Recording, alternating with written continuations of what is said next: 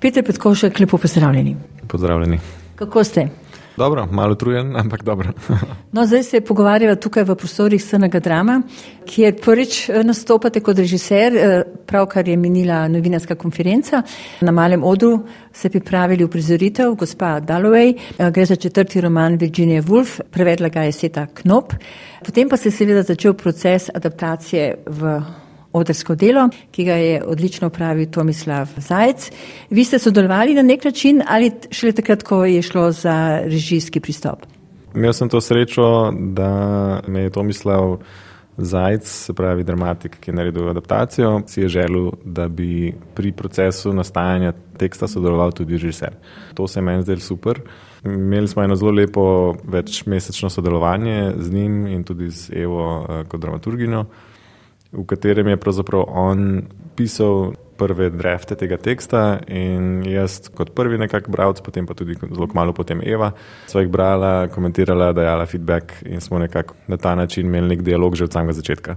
Meni je bilo zelo lepo v tem smislu, ker je to mislil izjemno odprt in prijazen avtor, poleg tega, da je vrhunski dramatik s predstavami, prevedenimi v mnoge jezike in igranimi mednarodno. Ob tem, ko je on pisal roman, pisal pardon, adaptacijo eh, romana, zastavil si je to trodelno strukturo, hkrati s tem je pa že mal nastajal režijski koncept. Ta tridelna struktura, to je bilo nujno?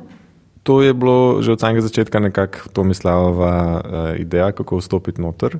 Vse je sproti še oblikovala dalje in razvijala. Je pa že od samega začetka on k temu pristopu skozi lik Virginije. Kot je povedal pravkar na novinarski konferenci, si že dolgo, dolgo želi adaptirati prav ta roman. No, to sem zvedela pred novinarsko, da je to bila njegova ideja, ki jo je predlagal. Kdo pa je predlagal vas kot režiserja? Ja, tukaj se moram pa zahvaliti Evi, verjetno Krašovc. Tomislav je predlagal idejo, pravzaprav je hotel napisati to adaptacijo prav za Mašo Drganc potem, ko sta sodelovala skupaj pri radijski igri njegove drame, treba bilo prošetati psa. In je potem Mašo videl tudi v predstavi Alice v posteli, tukaj v mali drami, in se zaljubil v to idejo, da bi Maša igrala Virginijo in potem seveda Clariso hkrati. Skratka, v dveh vlogah se pojavi. Ne? Pojavi se v dveh vlogah, kot Virginia Woolf in tudi kot eh, Clarissa Delovi, se pravi, gospa Delovi, naslovna junakinja. Tako da ta proces se je začel pravzaprav pri Tomislavu in potem preko Maše prišel v dramo. Do mene, malce kasneje, ko se je to že umeščalo v sezono v program in se je iskalo nekega režiserja. Zdaj... Pomeni od Igora Samoborja. Od Igora Samoborja preko dialoga z Evo, dramaturginjo, ki je takrat oblikovala tudi malo program, male drame. No, pa je prišla ta gospod Delovej kot neka priložnost mimo in, in zdaj smo tu. Še iz šolskih dni vemo, da je to eden najbolj znanih romanov Virginia Woolf. Napisan je bil nekako skoraj pred stoletji, ne leta 1925. Eh, Kdaj ste ga vi prvič brali? Dobro vprašanje, verjetno vsaj malo v gimnaziji. Ne vem pa čisto pravzaprav zares, če sem ga celega prebral takrat. Kot verjetno ve veliko poslušalcev, je to kompleksen, gost roman, zelo lep, ampak ga ni lahko brati. Se mi zdi pa super, da se dela predstavo zdaj. Roman je bil napisan leta 25, ampak dogaja se pa v letu 1923, se pravi točno 100 let. V bistvu se v sami predstavi ne dogaja veliko, ne? pa gre za neke paralelne svetove. Neka refleksija uh, skozi like stanja takratne družbe, ne, po koncu prve svetovne vojne, pa potem seveda pandemije in tako dalje, sploh pa neka družbena kriza uh, takratne Evrope. V bistvu pa v tem romanu, kot ga je adaptiral naš Tomislav Zajec, nekako povleče eno tako eh, vez s tistim časom vse do danes ne? in to mu je, pa je odlično uspelo. Kako se potem ta preplet v vaše valovane, ko ste upravljali ta glavovski izraz, kakšna je bila to vaša vizija oziroma izziv ta predstava za vas? Velik, velik izziv. V bistvu že samo v smislu materijala samega. Sem že to, kar je naredil Tomislav, je res ogromno delo ki ga ne, ne moramo preceniti, ker je pač ta izjemno gost uh, roman spravil v neko popolnoma dramaturško, logično, recimo temu, obliko na papir. Gre v bistvu za en sam dan, ne, te Clarice Dalloway, v bistvu pa se v njem veliko stvari prepleta, ne, ogromno je tega. Tako, po dogajanju, objektivnem dogajanju, recimo temu, se cel roman zgodi v enem dnevu. Clarissa Delovi se zjutraj zbudi, stopi ven, krasen dan je, odloči se, da gre, da gre sama porože. To je ta znameniti prvi stavek romana. Porože gre pa zato, ker pri, za isti večer pripravlja zabavo. In to je zabava za visoko družbo. Njen mož Richard je parlamentarc v, v mislim, da spodnjem domu angliškega parlamenta. Skratka, gre za tako aristokratsko višjo družbo. Ne? Tako, ona pripada aristokratski višji družbi, na njeno zabavo pride premije, angliški pridejo razni lordi, razne dame in tako naprej. Potem seveda tu še paralelna zgodba Septimusa Smitha, ta lik mladega moža, ki se je bojeval v prvi svetovni vojni, tam doživel grozoto te vojne, njegovega kolega Evansa so ubili pred njegovimi očmi, on je pa nekako preživel in je prišel nazaj domov v London z neko izkušnjo te groze. Eh, danes bi verjetno temu rekli posttraumatski stresni sindrom, vsekakor pa tudi z nekim občutkom krivde, krivde preživelega tega, tudi kar je on kot vojak v vojni počel, krivde nad tem, da ko so njegovega kolega Evansa razstrelili pred njegovimi očmi, on ničesar ni občutil. In tam je srečal eno mlado punco Lukrecijo v Italiji, kjer je bil nastanjen in se z njo poročil, ampak tudi, tudi tu čuti krivdo, ker se je pravzaprav na nek način poročil zato, da bi nekaj čutil, mu to niti ne uspeva. Berem v gledališkem listu, ne, da se je Tomislav Zajec v priredi romana bolj posveča kreaciji zgodbe ne, in skozi like ponuja pogled na takratno družbo, na tisti razkroj, na vse, kar se je dogajalo. Ne. Kako mi to gledamo v sami predstavi? Jutri bo premjera in od takrat dalje bo predstava na rednem sporedu. Uh, začnemo z Virginijo, z Virginijo Uf kot likom. Kot avtorico? Kot avtorico, pisateljico, ki doživlja neko osebno in hkrati družbeno-politično krizo po prvi svetovni vojni, po španski gripi. Išče načine, kako razumeti svet okoli sebe in kako to pravzaprav sprocesirati in kako sebe umestiti v ta svet. In to naredi na način, ki ga pozna in katerem je naj, najboljša, skozi pisanje novega romana. In mi pravzaprav v celem prvem dejanju te Tomislavove adaptacije, naše drame, spremljamo Virginijo, kako šele ustvarja gospodelove, kako se sploh spomni tega lika, kaj si za ta lik najprej želi. Najprej si želi, da bo to neka močna ženska, ki bo čisto drugačna, potem seveda ne spade tako, potem igre njen lastni lik na živce, mora ji dati še kakšen drug lik, mora ji dati neko preteklost, mora ji dati nek usporedni paralelno zgodbo, to se zgodi potem preko Septimusa Smitha.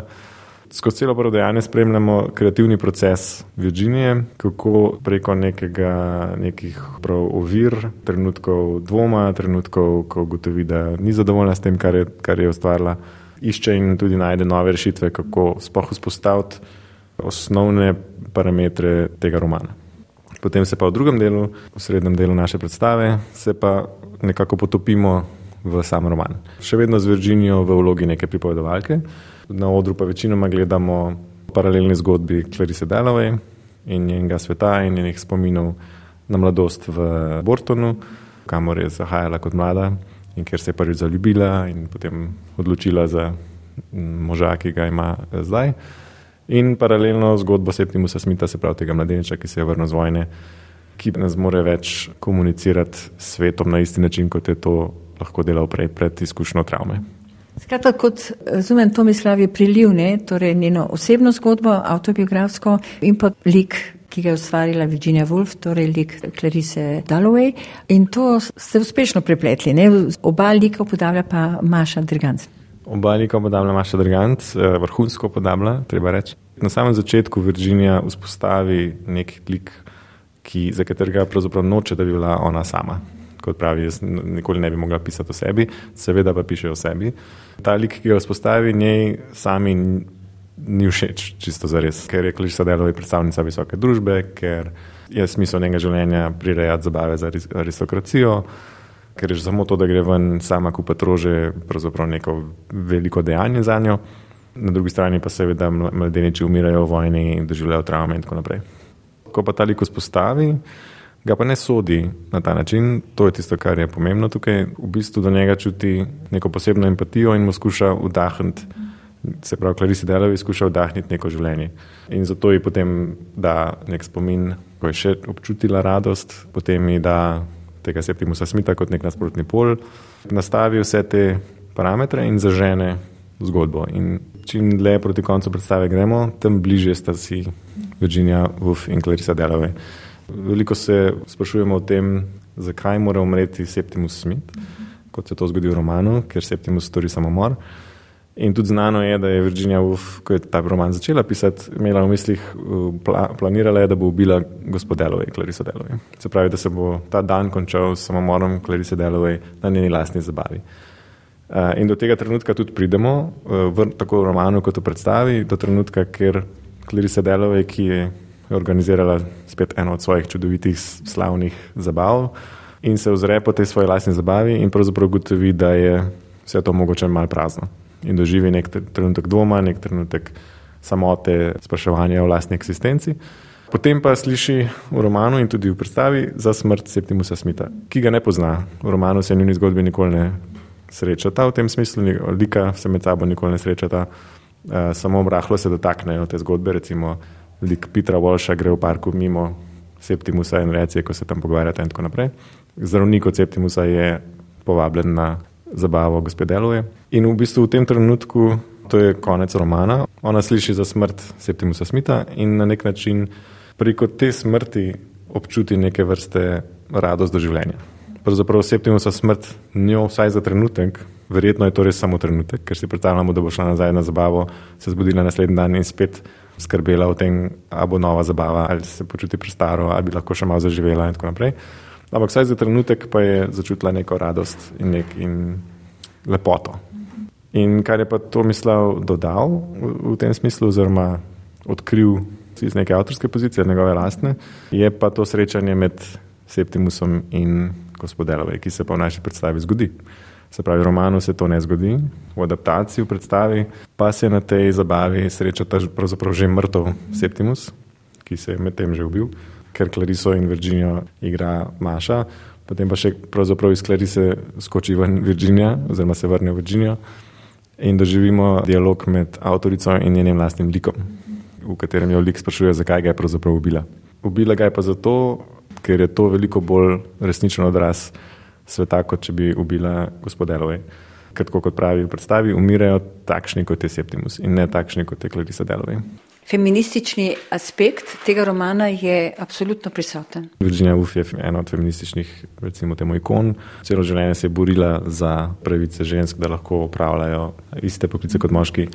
Napisala je zelo znan esej Lastna soba, ne Room of One's Own, v katerem zagovarja tezo, da seveda za to, da lahko ustvarjaš, pač rabiš pogoje, se pravi, rabiš svojo sobo, rabiš nek dohodek. In bila velika borka za tudi v raznih društvih, asociacijah, hodila okoli predavala na ženskih koledžih in tako naprej. Tudi to odpira adaptacija, ker ona začne pisati roman o ženski, o ženski, ki ne naredi nič drugega, samo ven gre. Samo gre kupiti rože, samo zabava pripravlja, nič takega.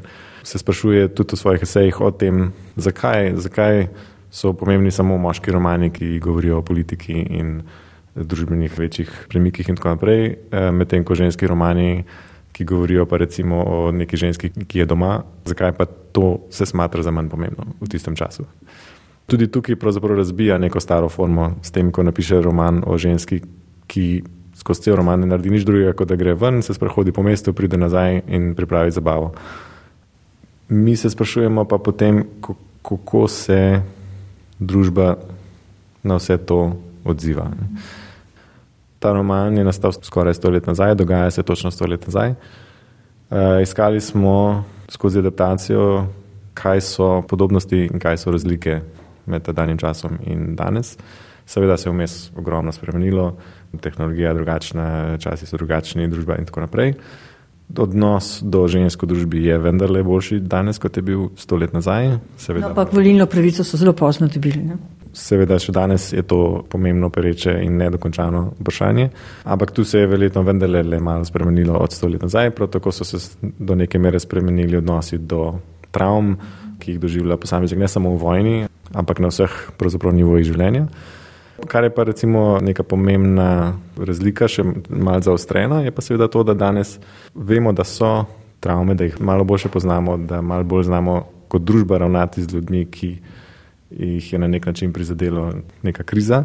Pa seveda je pa privedlo v nek način skupaj z individualizacijo civilizacije in družbe, v kateri živimo, do nasprotnega pola, na nek način do nekega drugega ekstrema, ki je pa hiperprodukcija diagnoz lahko prej ali slej v sebi najdemo nekaj, kar se da poimenovati in potem na nek način zdraviti. Pa to ne pomeni, da je to narobe, ampak smo pa gotovo prispeli v nek drug ekstrem tega spektra, recimo v primerjavi s časom sto let nazaj.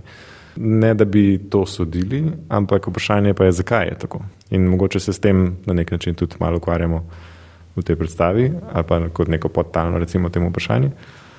Odkrili smo pa seveda ogromno podobnosti.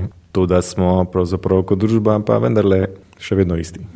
Še vedno smo enako zbegani, še vedno ne vemo točno, eh, kam, kako se odzivati na svet okoli nas, kako procesirati krize, še vedno se, zdaj se spet zelo blizu nas dogaja vojna, spet smo preživeli neko pandemijo, v obeh primerih smo kot družba žrtvovali en kupenih ljudi in kupenih življenj.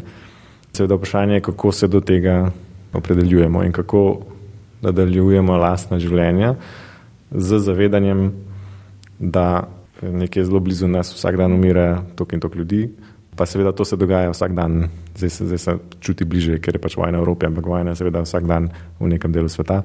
In zavedanjem, da okoli nas ljudje umirajo od COVID-a in od drugih stvari, in da, in da v bistvu kot družba stalno žrtvujemo en del sebe, zato da preživimo in zato da gremo lahko naprej. Mi skozi predstavo in skozi to razmišljanje, in tudi Virginia Woolf, jaz mislim, tukaj ne gre za sodbo, Ne gre v tem smislu za neko moralko, zato da postavimo zrcalo in rečemo, mi smo ta družba, eh, ne smemo se samo zabavati, moramo razmišljati o resnih stvarih. Ne gre za to, ampak gre za to, da pogledamo, kaj pravzaprav je človeško. In človeško je to, da si bomo na nek način osmislili svoje lastne življenje, ne glede na to, ali zdaj to pomeni, da občutimo neko travmo, neko prizadetost, neko empatijo do kriz, ki se dogajajo okoli nas, ali to čutimo v glavnem bolj do sebe, pa se ukvarjamo sami sabo, pa hodimo na zabave in tako naprej. Vse te možnosti, jaz mislim, da so popolnoma človeške in legitimne. Tukaj gre bolj za vprašanje, kako si to nekako priznati in v bistvu na ta način potem procesirati in reči, aha, to se dogaja po svetu in tudi če jaz na nek način nadaljujem svoje lastno življenje, se moram tega vsaj zavedati. In potem že samo, za, sam, samo zavedanje tega verjetno pripelje do nekih drugih miselnih procesov in do nekih morda tudi uh, sprememb in tako naprej.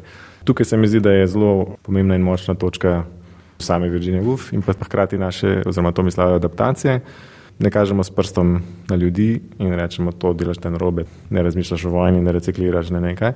Sprašujemo se, kako zares razmišljati o teh stvarih zato da jim damo prostor, da so, da bivajo, da jih ne tlačimo, da jih ne pozabimo, da jih, da jih ne represiramo kot neke travme, ki jih nočemo, ampak da to mogoče vidimo kot del življenja, v katerem smo, kot del družbe. Tudi predstava ogromno govori o življenju in smrti, o enem v drugem, kako se prelivata, kako iskati in razumeti eno skozi drugo. Clarissa Dalloway in Virginia Woolf na koncu dobita nek nek uvid, občutite neko radost za življenje, nek, neko lepoto.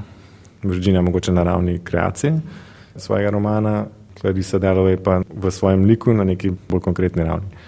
Gre samo za, kot je lepo rekel Saša Tabakovič na novinarski konferenci, da dajemo življenju vrednost, ki jo mora imeti in ki jo brez tega mogoče nima. Ta uprizoritev, gospa Dalloway, je vaše prvo sodelovanje, kot sem že rekla, v SNG drama. Eh, Gledališki debut na slovenskih tleh pa je bil v celju, ne s predstavo Klinc. Sem šla malo nazaj gledati, ker sem že malo pozabila. Gre za eh, britanskega sodobnega avtorja, ne Majka Bartleta. Njegovo igro Krči so pa že prav v celju prizarjali predtem, ne tako da to ni bilo naključene, da se vi prišli v celje, ampak vendarle, kdo vas je pa v celje povabil? Za povabilo v celje se moram zahvaliti Nikosi, ki me je zelo prijazno tja povabila. Zahvale grejo pa tudi v mojem primeru Matej Koležnik, ki pa je prijazno dovolila, da sem asistiral uh, na njeni operi Fidelio Betonovi uh, v Baden-Badenu v Nemčiji. Je bilo to v okviru festivala? To je bilo v okviru um, velikonočnega festivala, uh, ki je tam zelo Eh, popularen slavni festival. Zelo eh, zveneča imena so bila zraven, poleg Mateje, eh, berlinski filharmoniki, Petrenkom na čelu. Super izkušnja, jaz sem se ogromno naučil, zelo pa je proces prekinil COVID, to se je dogajalo ravno pomladi 2020. Je pa potem nekako prišlo tudi do tega, da sem lahko kontaktiral Tino Kosi in doživel recimo debi, slovenski debi v celju s predstavo Klinca, dva britanska avtorja v dveh predstavah. En sodoben in ena klasično, legendarno, sto let nazaj. Kar se mi pa ne zdi na ključje, zato ker vi ste najprej študirali na filozofski fakulteti Ljubljani primerjalno književnost ne, in francoščino, uh, niste šli na AGRFT, ampak ste šli najprej študirati v London na Royal Academy of Dramatic Art in potem pa končate ta magisterij pa na Columbia University v New Yorku. Ne. Po mojem bi bilo to že odnegdaj v vas. Ideja ali pa mogoče neka skrita želja je bila prisotna gotovo že odprej, od nekih morda konca gimnazije, tam nekje sem ugotovil, da je to nekaj, s čimer se rad ukvarjam. Ustanovil eno eh, zelo študentsko, amatersko društvo, um, gledališko, s katerim smo naredili par predstav v parih letih, tako samo učno. Začeli smo z eno pravljico Oskarja Wilda, Cantervilleski duh, končali pa z Sofoklejevo elektro. In potem vmes je to, recimo, temu zraslo do, do te mere, da bi vsem, kljub samo šel to malo bolj resno se s tem ukvarjati in na, na neki podiplomski ravni potem uh, nadaljeval študijem. In zakaj Anglija? Tujina me je pa že odnegdaj vlekla, verjetno ne glede na to, kaj bi šel študirati, bi me prej ali slej odneslo nekam ven. Morda izhaja to iz izkušnje mladosti. Moj oče je delal doktorat v Ameriki na Univerzi Carnegie Mellon v Pittsburghu iz matematike. In smo cela družina eh, nekaj časa preživeli eh, že takrat, v 80-ih, 90-ih letih v Ameriki. No, pa v času študija v Združenih državah ste že režirali na različnih prizoriščih, ne? v državi New York, ne? tudi širše, ampak potem pa greste celo v Južno Ameriko. To je bilo v okviru študija samega ali ste dejansko po raznih prizoriščih teatra režirali? To ni bilo v okviru študija. Um, v okviru študija so nastajale študijske predstave v New Yorku. Eno od njih smo tudi potem uprizarjali na festivalu v New Yorku. Po študiju sem pa pravzaprav nekako eh, si zadal neko osebno nalogo, da sprobam čim več eh, različnih žanrov, čim več različnih izkušenj. In sem si poiskal priložnosti v, recimo v Južni Ameriki, v Ekvadorju, kamor sem potoval z neko ameriško dramsko skupino, ki ima tam določene povezave, hodijo tja že leta in leta in delajo indijanskimi skupnostmi, se pravi indigenous skupnostmi, ki živijo seveda po celi Južni Ameriki. No, berem v gledališkem listu, da so to šuvari in mapuče. Ne? Kaj iz tega lahko razberem? Ja, v Ekvadorju um, sem delal z skupnostjo šuar, živijo bolj na jugu Ekvadorja, recimo jugo pa vzhodu Ekvadorja. To je ena kultura, ki je v bistvu do velike mere trenutno ogrožena. Ni jih zelo veliko, verjetno je 100-200 tisoč vse skupaj, ki se še identificirajo kot, kot švar. Težave imajo z ohranjanjem kulture, z ohranjanjem jezika, ki ga mladi ne govorijo več kaj dost. Največje težave pa, pa jim povzročajo korporacije, rud, rudarstvo, firme, ki pridejo in odprejo. To so globalne firme, kitajske, kanadske in evropske in tako naprej, ki pridejo in iščejo um, resurse, iščejo dragocene kovine, zlato, bakar in tako naprej in odpirajo razne rudnike po njihovem ozemlju. To se zelo intenzivno dogaja, zelo resna situacija v resnici. Te rudniki izjemno uničujejo okolje, recimo rudnik Bakra, onesnaži zelo, zelo močno, onesnaži veliko ozemlje. Če pa perejo zlato iz reke, pa potem onesnažijo reko. Ne. Reka pomeni življenje za tiste, ki živijo v njej.